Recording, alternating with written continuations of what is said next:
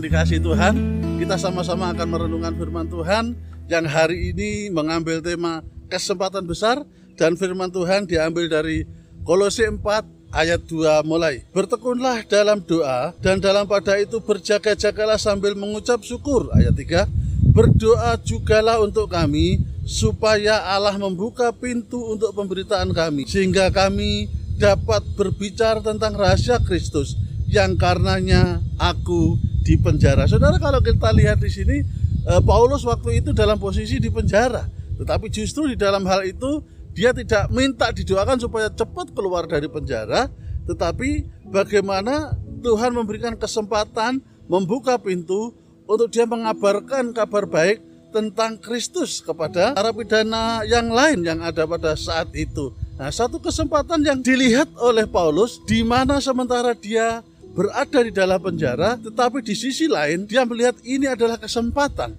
untuk mewartakan kabar kebenaran, yaitu Injil Yesus Kristus, kabar Kristus, kabar keselamatan yang daripada Tuhan.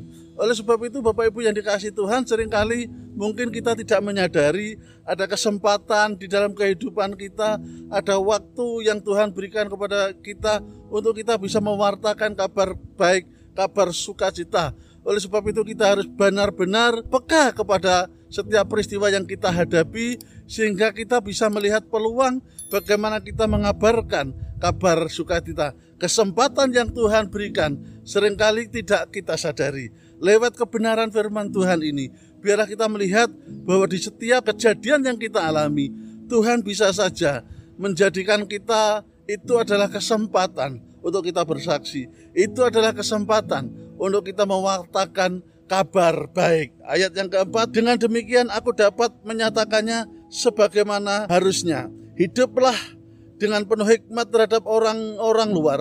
Pergunakanlah waktu yang ada. Yang selanjutnya adalah hidup dengan penuh hikmat. Pertama kita melihat peluang. Yang kedua kita berhikmat untuk cara menyampaikan kebenaran itu.